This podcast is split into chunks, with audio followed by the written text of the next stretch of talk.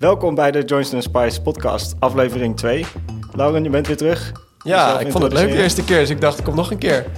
Nou, gezellig. Kun je kort over jezelf vertellen? Nou ja, ik ben dus Lauren. Ik werk hier eh, bij Johnson Spice in de orderpraktijk. Ik doe ook IT-audits en ik ben ethical hacker. Nou, cool. En aan de andere kant ook Elmer. Welkom Elmer. Ja, jij dankjewel. Heel goed. Eh, ik werk hier bijna een jaar. Ik ben vorig jaar maart eh, ben ik begonnen. Ik werk als manager. Ik ben dus accountant. En eh, ik eh, leid een aantal controles voor Johnson Spice. Alright. Nou, tof. Leuk dat jullie er zijn. Ehm, we hebben deze week weer eh, een paar interessante ja, nieuwsitems die we met elkaar willen bespreken. En ik ben benieuwd naar jullie input. Gooi ze maar op tafel, zou ik Nou, zeggen. precies, hè? knallen. Deze week hoorden we het nieuws dat Alexander Klupping, die je vast wel kent van een van zijn podcasts misschien, eh, die heeft een, eh, een miljardenclaim neergelegd bij Google en bij Apple. Ehm, omdat ze gigantische, naar zijn mening, gigantische commissies rekenen over alle transacties die in hun store plaatsvinden. Ik weet niet of jullie het gehoord hebben dat dat gebeurd is. Ik kan me er wel iets bij voorstellen, ja. Ja, nee, ik heb het ook gehoord. Ik ben vooral wel heel benieuwd wat Elmer hiervan vindt. Ik ben wel een beetje een Apple-fanboy, als ik dat zeggen mag. ja ik ben zeker Apple-fan. Het is Dus- ook al een tijdje een discussie natuurlijk die plaatsvindt over die eh, commissies eh, in die stores. En eigenlijk, ja, de discussie waar het over gaat is, hebben zij niet te veel macht met die stores? Omdat zij eigenlijk ja, behoorlijke commissie vragen. En het lijkt dat de enige reden waarom ze dat kunnen, is omdat zij, nou ja, een monopolie slash duopolie hebben met z'n tweeën. Wat was Ehm, vragen is ook alweer, weten we dat? Hoeveel per procent gaat het om? eh, 30 procent. 30 Jezus. procent. Kijk. Oh ja, dat is wel goed. Het is wel is echt wel veel geld, ja. Ja. Ja, er zijn ondertussen wat, wat opties gekomen, maar daar maken ze het niet heel erg eh, makkelijker op. Ik begreep bijvoorbeeld dat eh waar voor dating apps zijn er mogelijkheden.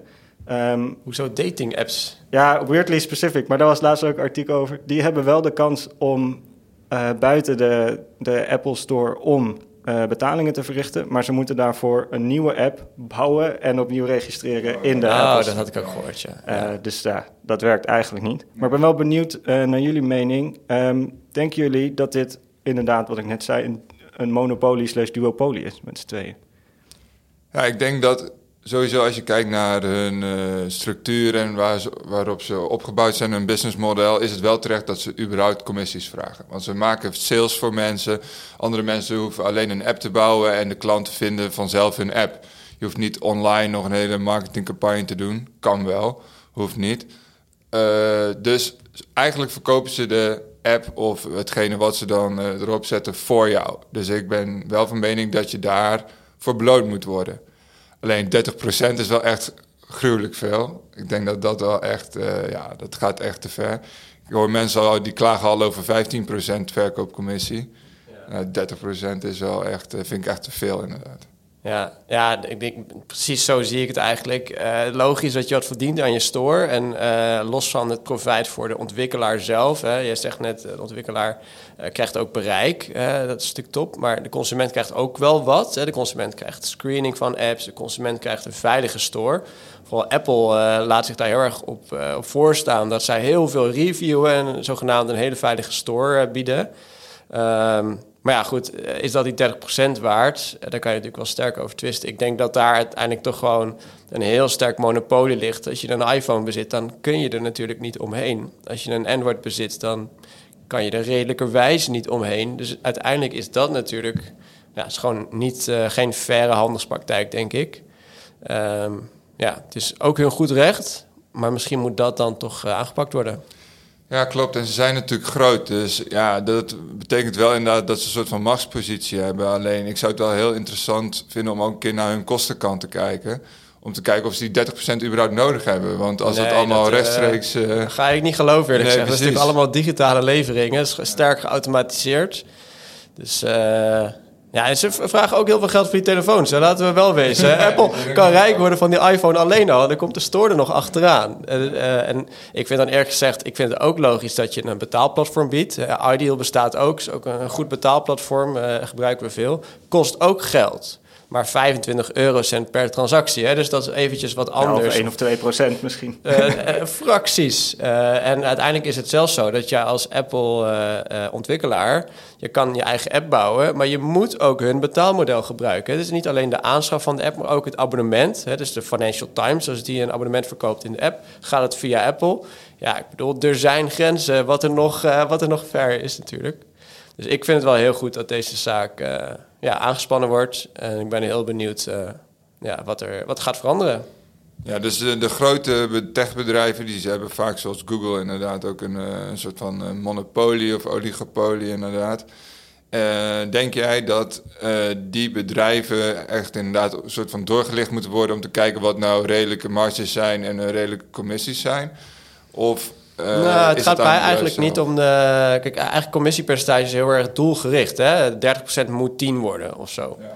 Eh, ik denk eigenlijk dat de oplossing meer is concurrentie uiteindelijk. Eh, je hebt de App Store, je hebt de Play Store. Er moeten gewoon meer stores komen. En telefoonfabrikanten moeten een telefoon openzetten. En dan krijg je concurrentie. Dan kan de App Store nog steeds de meest veilige store zijn... als Apple dat als onderscheidend punt wil zien. Nou, dan mogen ze ook meer voor vragen.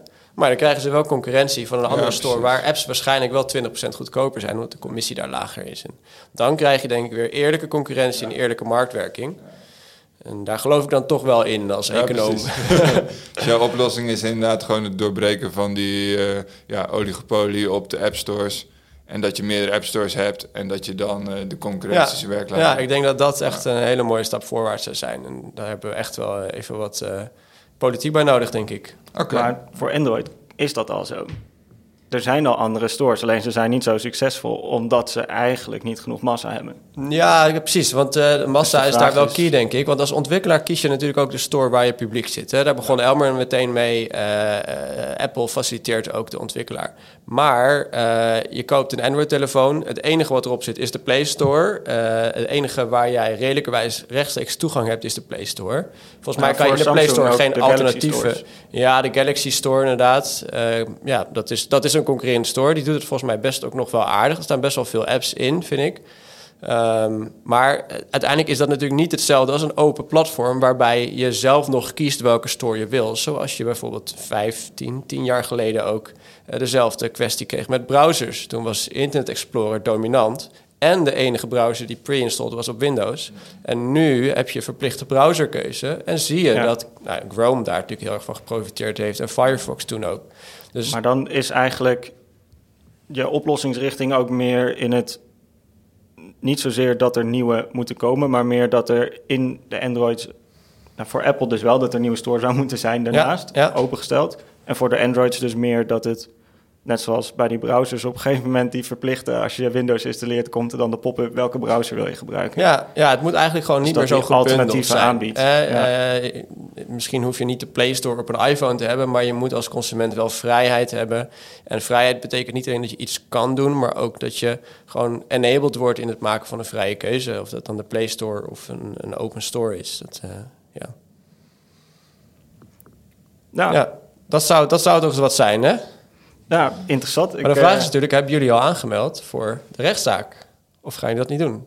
Want je kan je aanmelden hè, bij Clubbing en dan kan je een claim indienen. Oh ja, ja. Dan ben je onderdeel van de class Dan action. was dat claim. Ja, ja, Ja, ja. ja. Nee, maar ik nee? heb me niet aangemeld. Nee, ik heb wel aangemeld, maar nog kijken wat er... Je eh, hebt heel wat veel apps gekocht. Nee, ja, dat gaat natuurlijk om tientjes, maar het gaat, het gaat om een statement natuurlijk. Heel dat geld, dat, dat, dat zal wel worst goed als wezen. ethical hacker dat je dat Ja, doet. toch? Ja. ja, ik geloof toch wel in openheid in die zin. En, eh, Nou, Oké. ben benieuwd. Ik denk dat we het nog even gaan volgen wat eruit gaat Precies. komen. Dan eh, stel ik voor dat we naar het volgende onderwerp gaan. Ehm, erg interessant onderwerp voor onze praktijk ook wel, denk ik. Eh, namelijk, hoe houd je jonge accountants eh, enthousiast of tevreden in het accountantsberoep? Ehm, en ik denk dat dat iets is waar we altijd wel eigenlijk al geprobeerd hebben om een andere aanpak in te hebben. Ehm, maar je merkt toch dat het ja, als hele beroepsgroep steeds uitdagender wordt om, eh, om eh, nou ja, nieuwe collega's te vinden, maar ook om collega's eh, of conculega's binnen ons vak te houden, zeg maar. Of, ehm, ja, dus ik ben benieuwd ja, wat jullie hiervan van vinden. Ehm, eerste nou, stelling, waar ik benieuwd ben of jullie daarop wil reageren, is... ehm, jonge accountants kiezen niet voor het vak om hard te werken. Eens. Dat is wel eens. Nou ja, ik denk echt dat dat zo is. Ja, ik, bedoel, ik, ik vind het. Uh, ik ben zelf wel van om af en toe gewoon hard te, te, moeten werken. Maar ik zie in de, de jongste generatie dat het mensen zijn die. Uh, die, die gaan niet voor de carrière first, maar die geloven ergens in. Die staan ergens voor. Nou, moet je net het accountantsvak hebben. Dat staat ook ergens voor. Hè. Er zitten ook integere waarden in. En ik denk dat ja, de jongste generatie echt niet voor het vak kiest om 80 uur per week te gaan werken en eens even lekker overuren te cashen. Die, uh, die zoeken een andere work-life balance, denk ik. Nee, maar ik denk wel dat het vroeger wel heel uh, normaal was in de accountancy. Als je ja, kijkt ja, ja. naar uh, de verhalen van dan de oudere collega's, ja, die, die maakten allemaal 60 uur per week en er werd niet over geklaagd. En, ja, jij hebt natuurlijk een Big Four verleden, dus dat is wel een interessant uh, perspectief. Want jij hebt dat natuurlijk alleen maar meegemaakt, neem ik aan, hè, in je eerste paar jaar. Nou ja, toen ik aankwam, toen, uh, toen was er al, en dat was dus iets van vijf, zes jaar geleden... toen was er eigenlijk die cultuurshift was net aan gang. Dus op een gegeven moment ging de trainee zeggen van... ja, ik werk niet meer na uh, zes uur of kwart over vijf zelfs... En ja, ik hoef dat niet per se 60 uur, zoek maar iemand anders. Uh, waarbij de oudere garde dacht van... Uh, hoezo wordt er hier, nou nee tegen mij gezegd, inderdaad. Uh, dit, ja, dit vind ik niet normaal. En dat kwam eigenlijk vanuit de drie jaar lagen boven ons.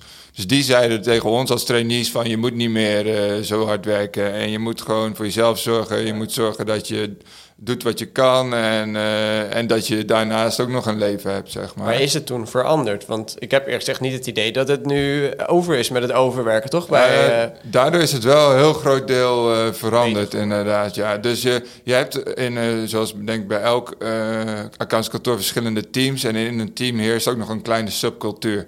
Ja. En als in jouw team de cultuur is dat jullie elke dag werken van 8 tot 12 uur s avonds ja, dan is het heel lastig om in je eentje zeg maar, te breken. Dan zeg je meer van ik hoor niet op dit team thuis. Dus ik ga een ander team zoeken.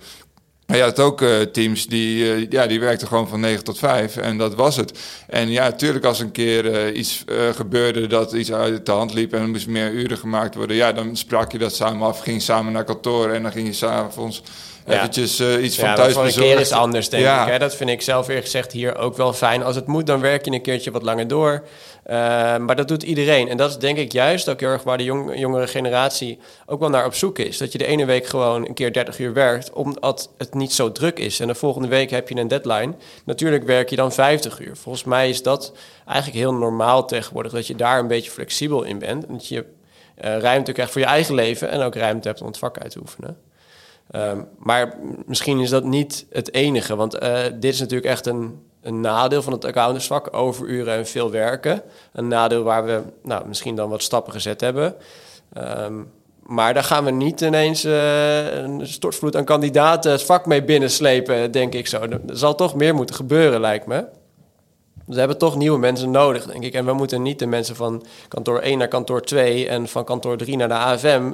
Dat heeft geen zin. Daar worden we niet beter van. Nee, klopt. Ja, ik denk niet dat je per se inderdaad nieuwe mensen mee binnenhaalt. Maar wat je wel doet als je overuren vermindert, is dat je de mensen die er al zitten, dat je die langer behoudt. Want je ziet dat heel veel mensen, bijvoorbeeld als ze net RA zijn geworden of als ze net een kindje hebben gekregen, dan de realisatie maken van hé, hey, ik ga niet meer uh, eh, 60 uur per week werken. Of uh, dat, dat is niet wat ik voor ogen heb, want ik zie dat ik bijvoorbeeld als controller gewoon 9 tot 5 kan werken en ja. dan gaat het ook goed met mij. Dus ik denk dat dat, uh, ja, het leven... Ja, de uitstroom stoppen, dus de uitstroom dat stopt, heel goed zeg maar. Overuren ja. kunnen inderdaad de uitstroom stoppen. En uh, de instroom, ja, die merkt dat nog niet, die weet dat nog niet. Of die heeft er nog heel veel zin in om heel hard te werken. Ja, ja, ja. Want het is Toch vaak... de beta-formule nog terug, hè? Instroom, ja. uitstroom. Precies. Hey, het is vaak inderdaad de jonge mensen die, uh, die heel enthousiast zijn, die willen wel. En op, na een paar jaar dan denk je van, ja, waarvoor doe ik het eigenlijk, al die overuren? Ja. Ja, waarvoor doe je het eigenlijk? Het is natuurlijk ook, uh, hieraan zit ook meteen een discussie over het partnermodel. Want dat is eigenlijk natuurlijk waar je het origineel voor deed. Als je hard genoeg werkt, doorwerkt, doorgroeit, nou ja, je uren maakt, je overuren maakt ja. uh, en je maar ver genoeg doorgroeit, dan kun je misschien partner worden. Ja, als je continu uh, uh, 150% blijft geven, want dat is het dan eigenlijk, hè? het is meer dan je eigenlijk kan dan zie je wel dat je inderdaad meer kans maakt op eh, een partner uh, worden. Wil niet zeggen dat, het, uh, dat je alleen op die manier partner kan worden. Je kan uiteraard niet voorwaardelijk, maar het is wel. Ik denk wel dat die, die trend. ik denk dat de kans groter is. Ja, het begint zeker, ook ja. steeds meer. er zit ook best wel een, een vergrijzing in, zeg maar, de uh, partners zijn altijd al de wat meer senior mensen in de praktijk geweest natuurlijk. Um, maar er beginnen ook wat meer trends te komen dat ook de partners als geheel zeg maar vergrijzen. Uh, dat zie je in zowel de, de auditpraktijk als de, de advies- en de samenstelpraktijken steeds meer, uh, steeds meer opkomen.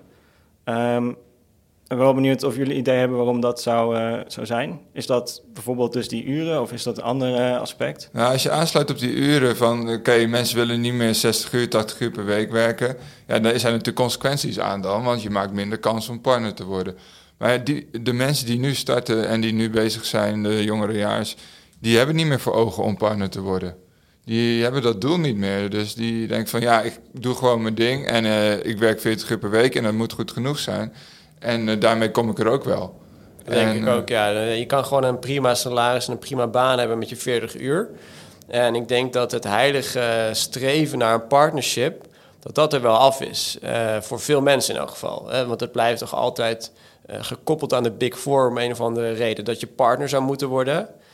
Um, dus ik denk dat het toch wel zoeken is naar een nieuw model... waarin dat ja, op een andere manier vorm krijgt. Want uh, accountancy, advocatuur, het zijn en blijven vakken waarin ervaring ontzettend belangrijk is.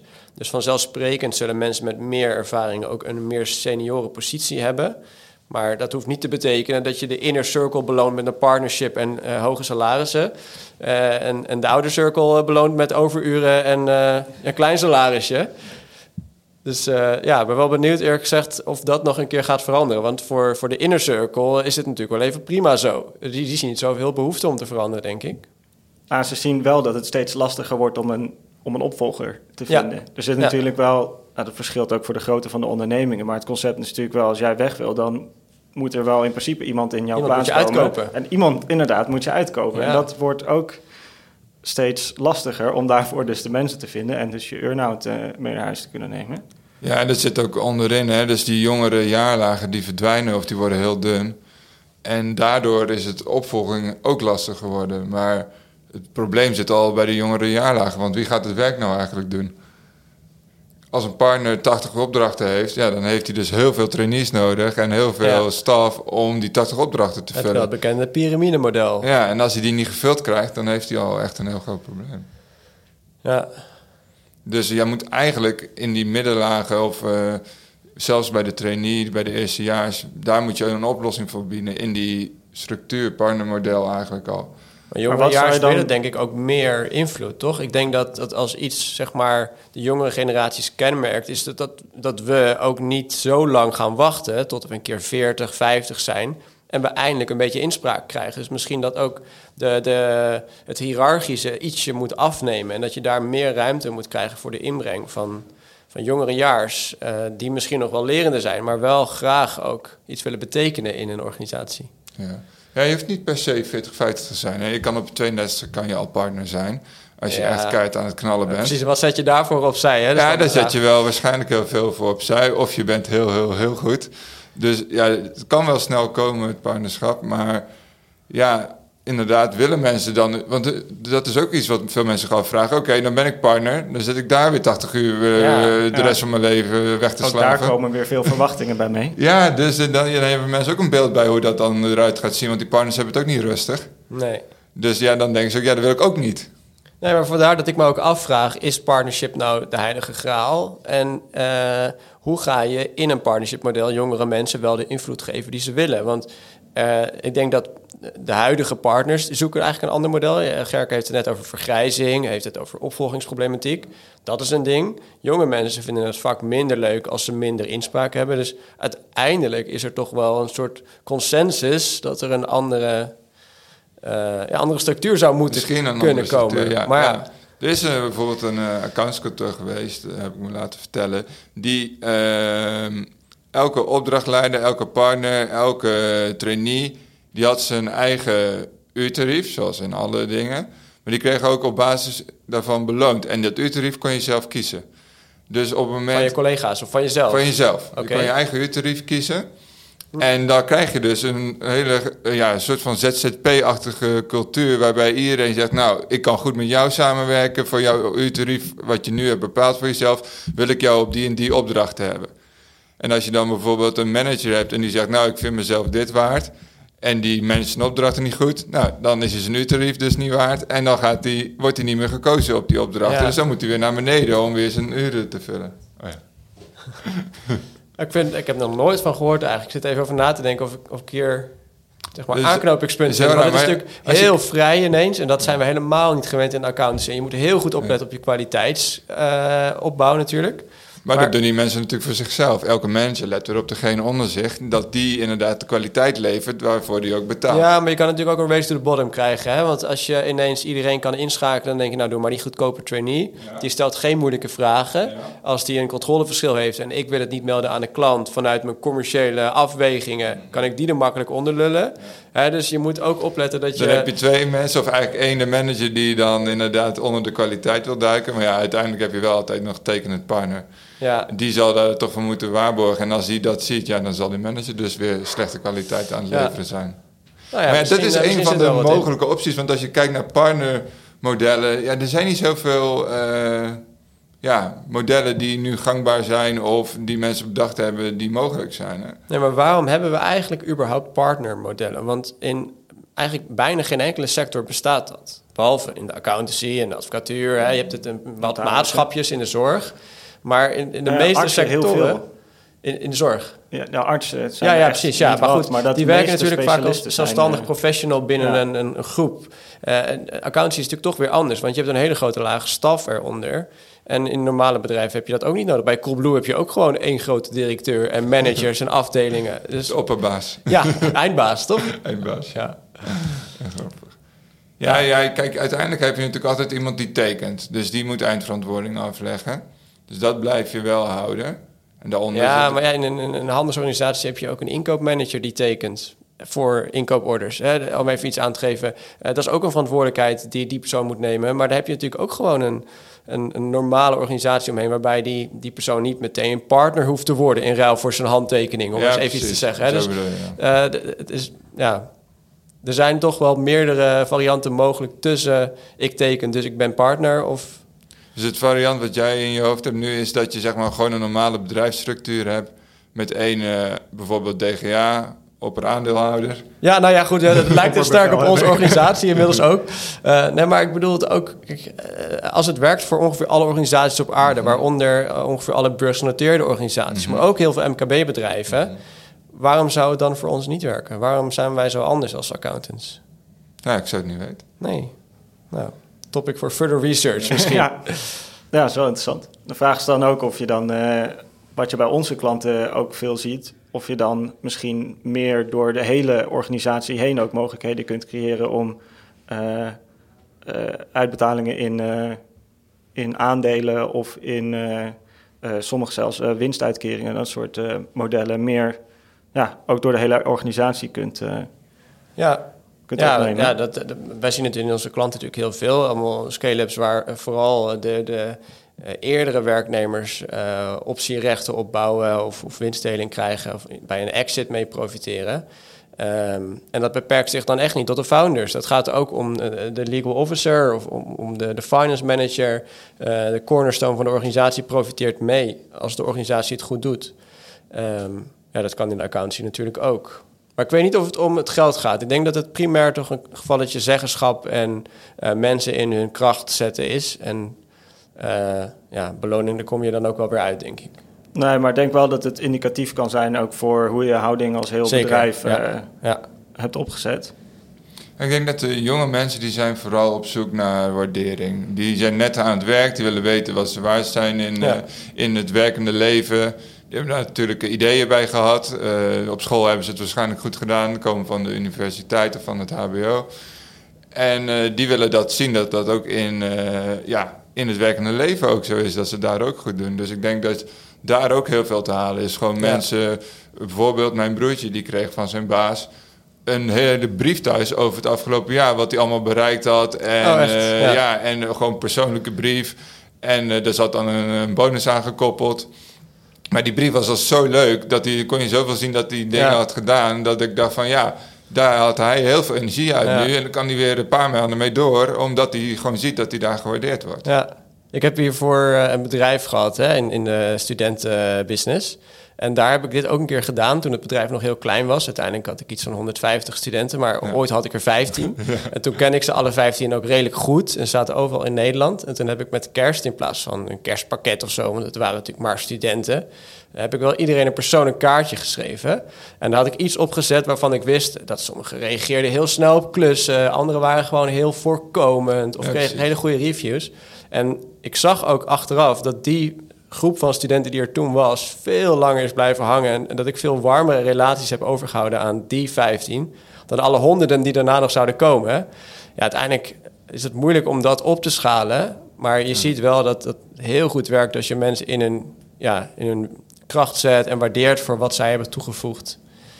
Ja, ik denk dat toevoegen inderdaad dat dat wel eh, een goed punt is. Dat je als, nou ja, als medewerker gewoon als persoon het idee hebt... als ik hier mijn werk doe, dan heeft dat impact. Ik voeg waarde toe meer dan dat ik alleen maar eh, van 9 tot 5... of Ja, ergens van precies. 8 tot, eh, tot 8 eh, de hele dag eh, mijn werk aan het. Daar werken Ja. we in elk geval niet voor. Dat, eh, dat mogen duidelijk zijn. Nee, precies. Nou, interessant denk ik. Wel benieuwd wat er... eh, of er grote shift gaat komen bij, eh, Ja. bij dat grotere kantoren. Ik denk het wel, maar het gaat, eh, het gaat langzaam. We gaan het zien. Het laatste onderwerp voor deze keer. Ehm, privacy en cookies. Ehm, er is deze week namelijk weer behoorlijk wat discussie eigenlijk over het gebruik van cookies in online marketing, online advertenties. Ehm Lauren, heb je daar ook wat over meegekregen? Ja, er is, eh, er is heel veel gebeurd de afgelopen weken eigenlijk. Eh, de Nederlandse toezichthouder en de Belgische toezichthouder. eh, uiteindelijk gaat het allemaal om de Europese privacywet, eh, de AVG of de GDPR. Ehm, en eh, we kennen natuurlijk allemaal die ontzettend vervelende cookie pop-ups die je op ongeveer elke website eerst weg moet klikken. En dat Ja. je eigenlijk alles accepteren niet wil doen, maar dan ook nog de minimale vinkjes wil zetten. Maar dan moet je weer zoeken waar die vinkjes zitten. Het is 10 Nou, minuten per dag. Precies. Ik denk dat we daar eh, commerciële uurtarieven aan koppelen toch duizenden euro per jaar verliezen. Ik ben meer een accept-all type. Ja, dat Oh, eh, ja, verbaast ja. me helemaal niks. Ehm, maar eh, misschien is er goed nieuws in die zin dat het meest voorkomende systeem waarmee eh, eigenlijk diverse partijen, dat, dat de consent heet dat, hè, toestemming geven, dat platform daarvoor, eh, ja, een van die platforms heet IAB. Hè, dat is een samenwerkingsverband van onder andere Google, maar ook heel veel andere online adverteerders, eh, bedrijven. Ehm, en dat platform, eh, dat is nu eigenlijk aangepakt door de privacyautoriteit. Dus dat platform is in een conclusie is gesteld dat het platform niet compliant is. Dat dat dus eigenlijk niet meer mag op dit moment. En bedrijven die er gebruik van maken, dat die dus eigenlijk geen geldige grondslag hebben om cookies te plaatsen. En dus niet om mensen te volgen. Dus eh, dat is best heel erg impactvol. Want het volgen van gebruikers is natuurlijk de core van online adverteren. Eh, en nou ja, dat staat dus toch een beetje op losse schroeven, dat hele model. Wel heel benieuwd waar, waar dat ons gaat brengen. Want ja, je ziet natuurlijk ook dat eh, er wordt in verweer gegaan en er wordt gesteld dat het wel compliant is. Ehm, dus sowieso is het laatste woord er niet over gesproken. Maar in ieder geval is het denk ik wel een goede stap dat eh, de norm voor privacy weer even iets hoger is komen te liggen. Even weer wat hogere bewijslast is. Oké. En waarom eh, is het niet meer compliant, weet je dat? Ja, het is wat complex, maar dat platform, eh, dat consent platform, dat zou mensen op zichzelf niet volgen. Maar in het platform geef jij toestemming om gevolgd te worden.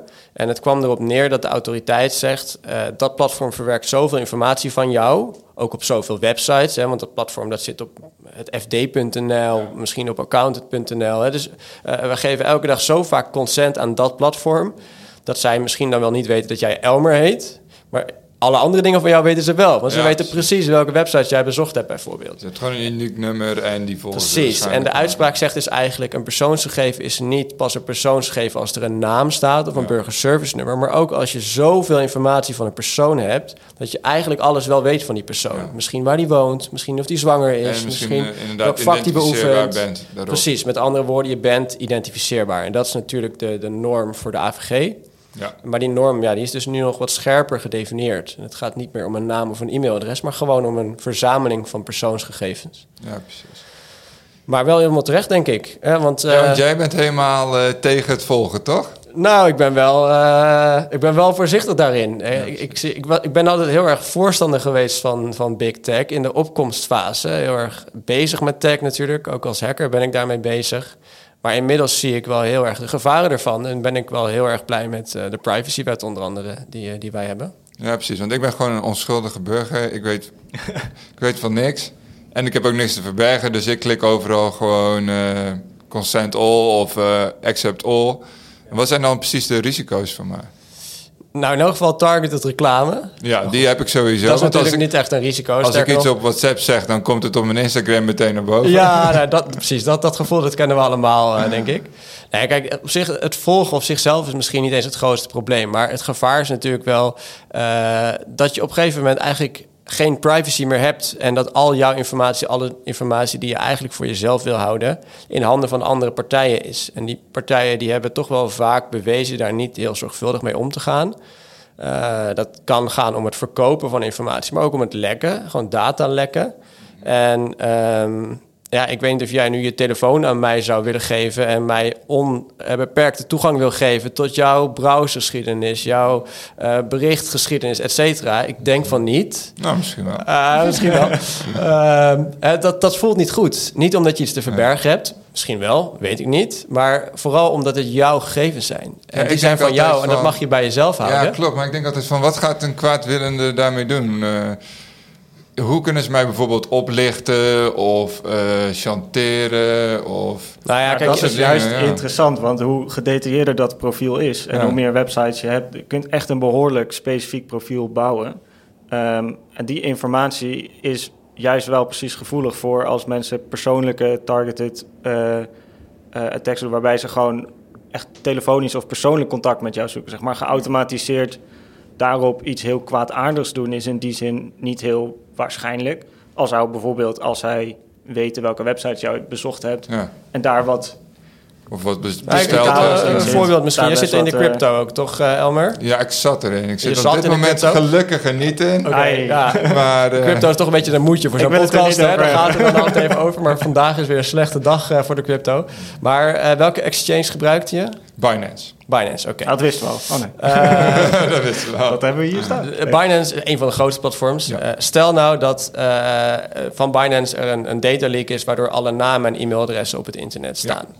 Die zal er waarschijnlijk zijn, want mijn vrienden worden doodgegooid met dat soort phishing mails. Nou, dat is precies wat ik bedoel. Want het, is niet, eh, het zou niet voor het eerst zijn dat zoiets gebeurt. Ook niet op grote platforms. Ehm, ik zit regelmatig op van die shady websites, een beetje dark web, een beetje te verkennen van wat is er out there. En eh, je kan gewoon hele databestanden kopen van mensen die actief zijn in de crypto met informatie over die personen.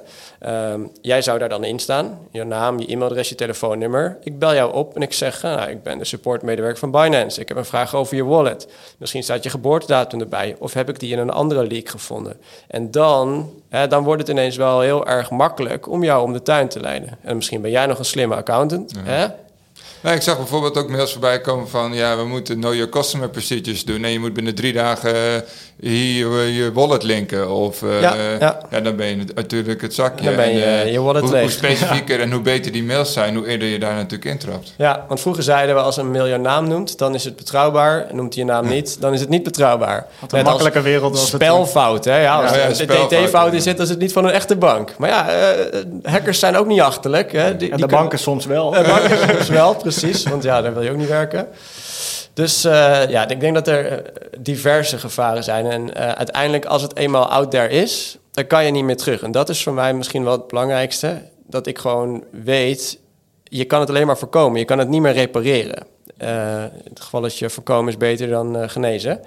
Dus ehm, En, ja. en jij met al je tegenstribbelen... denk jij dat je nou veel informatie eh, voor jezelf houdt, zeg maar? Of denk je dat uiteindelijk eh, Google bijvoorbeeld nog... nee, het is natuurlijk onbegonnen werk. Dat, dat, Resistance dat, is futile. Ja, dat is natuurlijk wel het geval. Maar eh, je kan natuurlijk wel dingen doen. Er zijn heel veel dingen die helemaal niet zoveel impact hebben. Want, eh, heel veel mensen hebben eh, Gmail, hebben een Android-telefoon, gebruiken Google Drive. En dan heb je alles in één bubbel en Google heeft heel veel mogelijkheden. Ehm, het kan natuurlijk alleen al helpen als je e-mail naar een privacyvriendelijke provider haalt. Of als je niet alles bij één partij hebt, maar wat dingetjes meer. Ja, in- gesplitst. eh, Splits, precies. Dat zijn hele makkelijke dingen, hele concrete stappen... waarmee je in ieder geval iets minder afhankelijk wordt... van één grote partij die heel dominant in jouw leven is geworden. En dan heb je ook wat meer mogelijkheden als die partij dan hele slechte dingen gaat doen... dat je zegt, weet je wat, Google, ik stap nu over naar een concurrent. Dus als Apple nu een eh, da- mega datalek heeft, dan ben ik de shark. Dat denk ik wel, ja. Dat zou best zijn. maar ik denk dat dit ook wel precies is waar die, ja, de items die je dan nu voorbij ziet komen met het IOB Europe, dat het brengt weer een discussie op gang over hoeveel informatieverzameling zou één partij moeten doen, slash willen we dat één partij doet. Dus ik denk dat dat wel een hele goede ontwikkeling is, los van eh, of dit wel of niet door blijft gaan in eh, of het stand houdt. Ja. Er zitten ook behoorlijke boetes aan vast nu. Klopt. Ja, plus inderdaad, ja, die partij is dan gespecialiseerd in die, in die cookies. Ja, en die is niet compliant. Ja, dat, eh, dat is natuurlijk onvoorstelbaar al. Zulke partijen moeten natuurlijk gewoon Ja. zorgen dat ze compliant zijn. En er moet ook iets van een controle dan op zijn... als die partijen dus blijkbaar niet zelf voor elkaar krijgen. ja. Dat is ook iets wat ik denk wat in de toekomst dus veel meer gaat spelen. Is dat dingen zoals milieurichtlijnen, eh, dit soort privacyrichtlijnen. Iemand moet daarna gaan kijken of die bedrijven zich daar wel aan houden. En je kan niet wachten totdat er weer een datalek is geweest. En eh, oh ja, alles ligt op tafel, jullie moeten het beter doen Nee, in de ja. toekomst. Want dan ben je gewoon alweer te laat. Ja, ja. En wie zou dat dan moeten zijn, eh, Elmer? Ja, misschien wel de accountants. Kijk, hier komt hij toch nog. Ja. Dus schuiven we het werk toch altijd naar onszelf toe, hè? Dat, eh, wij van WC 1 zeggen we dan. Ja. Nee, maar er moet natuurlijk veel meer eh, ja, gecontroleerd worden dan alleen cijfers, Ja. denk ik. Ja. Nou ja, je, privacy is een goed voorbeeld. Je hebt eh, diverse manieren om privacy naleving te auditen. Er zijn gewoon standaarden voor. Daar kan je gewoon een, een controleverklaring bij afgeven. Eh, ze zijn, vind ik, wel veel te complex op dit moment. Dus gemiddelde klant van ons zou daar waarschijnlijk niet lekker doorheen komen, omdat het te veel vraagt. Maar ik denk wel dat dat wel de weg naar voren is. Dat bedrijven die zelf zeggen, dat geldt voor onze klanten vaak, dat zij privacy heel belangrijk vinden en dat ze daar bovengemiddeld veel mee doen, dat die bedrijven ook een meer credible signaal kunnen afgeven naar de markt. Van wij doen het echt. Wij hebben een 3000 certificering misschien. Ja. Ja, En dan is de vraag, geeft de consument daar iets om? Want als jij inderdaad eh, eh, accountsachtige verklaringen gaat afgeven... en een eh, bedrijf gaat controleren op hun privacy-structuur... ja, dan moet je wel iemand hebben die iets geeft om die verklaring Ja, uiteindelijk. Nou, je ziet op dat punt in ieder geval dat ook wel wetgeving wel helpt. Op Europees niveau eh, zijn er diverse ontwikkelingen dat eh, eigenlijk alle cloud-aanbieders die iets met de overheid te maken hebben, een bepaalde certificering moeten gaan krijgen. Dat heeft ook, eh, ik weet niet of het ISO of meer assurance wordt, hè, want ISO is natuurlijk uiteindelijk maar eh, een standaard en dat is niet hetzelfde als assurance. Uh, maar je ziet wel dat wetgeving ervoor zorgt dat onder andere dus nu alle SaaS-partijen bezig zijn met hoe kunnen wij straks dat certificaat gaan krijgen. En dan wordt een certificaat niet alleen maar een plus, maar dan wordt het ook een standaard. En vanaf daar ja, gaat het balletje denk ik wel rollen, want dan wordt het een standaard in de overheidssector. Nou, dan volgen natuurlijk al snel uh, misschien banken, verzekeraars en zo. Ja, zo gaat dat wel, wel schuiven, denk ik. Ja, maar dan komt het wel vanuit de overheid. Want ik het liever zie is dat het vanuit de consument komt. Dat de ja. consument bewuster kiest voor de veilige websites. Misschien dat er mensen al zijn die bewuster voor de Apple Store kiezen dan de Android-versie. ja, maar dat zijn natuurlijk eigenlijk maar loze statements. Hè? Want Apple zegt dat zij een privacy geven. Uh, en ze doen ook wel onderzoek ernaar. Ik, ik vind ja. dat je Apple daar best wel uh, wat credits kan geven. Maar je weet niet of ze Precies. echt het goede. Ja, exactly my point. Wie ja. controleert Apple? Precies, daarom. Dus ik denk dat daar wel echt behoefte aan, aan is. Maar heb jij ooit, je hebt een, een, bank waar je bankzaken regelt, privé, zakelijk ook trouwens. Heb je daar een 3402 op gevraagd? Heb jij gekeken? Nee, toch? Dus nee. Maar je gaat ervan uit dat die dingen Je gaat ervan uit, ja, precies. Ja. En dan krijg je eigenlijk een soort van uh, wettelijke controleomgeving... waar je zegt, ja. bedrijven die zo groot moeten. zijn... Ja. of uh, too big, too veel, zeg maar. Ja, die moeten ook aan, uh, vanuit de overheid... krijg het dan inderdaad opgelegd, daaraan voldoen. Ja. Ik ga inderdaad wel vanuit dat bij een grote bank... al die dingen gewoon geregeld zijn.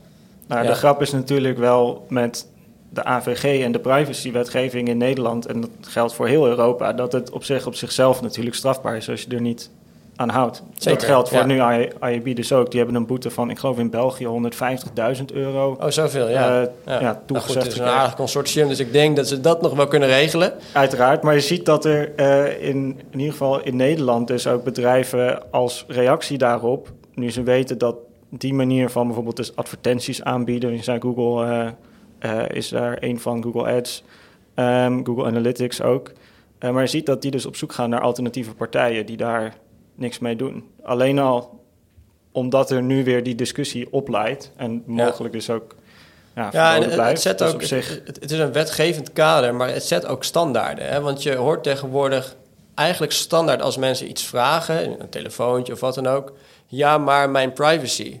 Vijf jaar geleden maakte niemand zich druk om privacy. En nu ineens met de AVG is eigenlijk eh, ook, zijn alle consumenten ook heel erg bewust geworden van privacy. Dus het is een, een norm geworden. Je hebt een recht op privacy. Daar zijn we nu heel erg mee bezig. Dus ik denk inderdaad ook dat iets, een wetgevende stap kan heel erg ook gewoon impact hebben op de cultuur van hoe wij in een land omgaan met nou, privacy of security of andere topics, eh, klimaat, eh, neutraal ondernemen.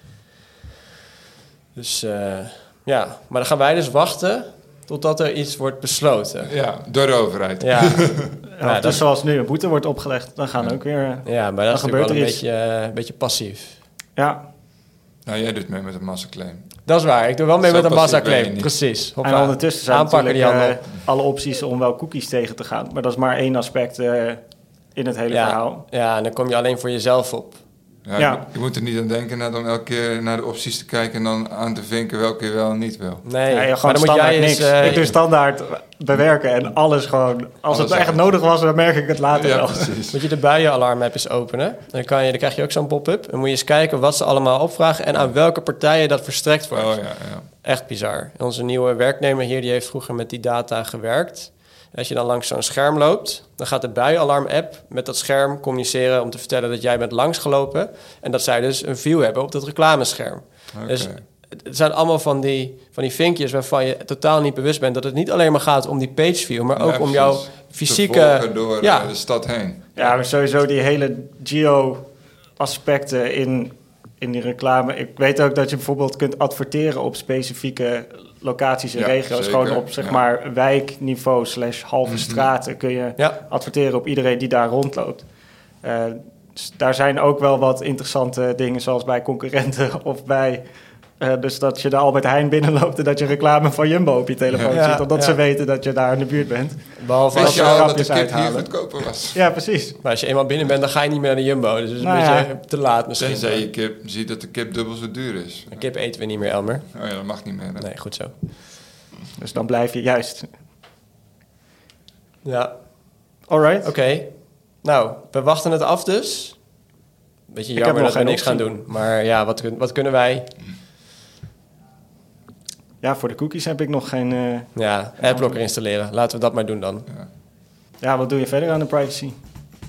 Geen podcast opnemen. Nee, ja, nee. ja ik sta hier onder, eh, privacy. onder een alias, hè. dit Nee, is gedaan. nogmaals. Dit was. nou, dit was het dan voor deze keer. Oké, heel leuk.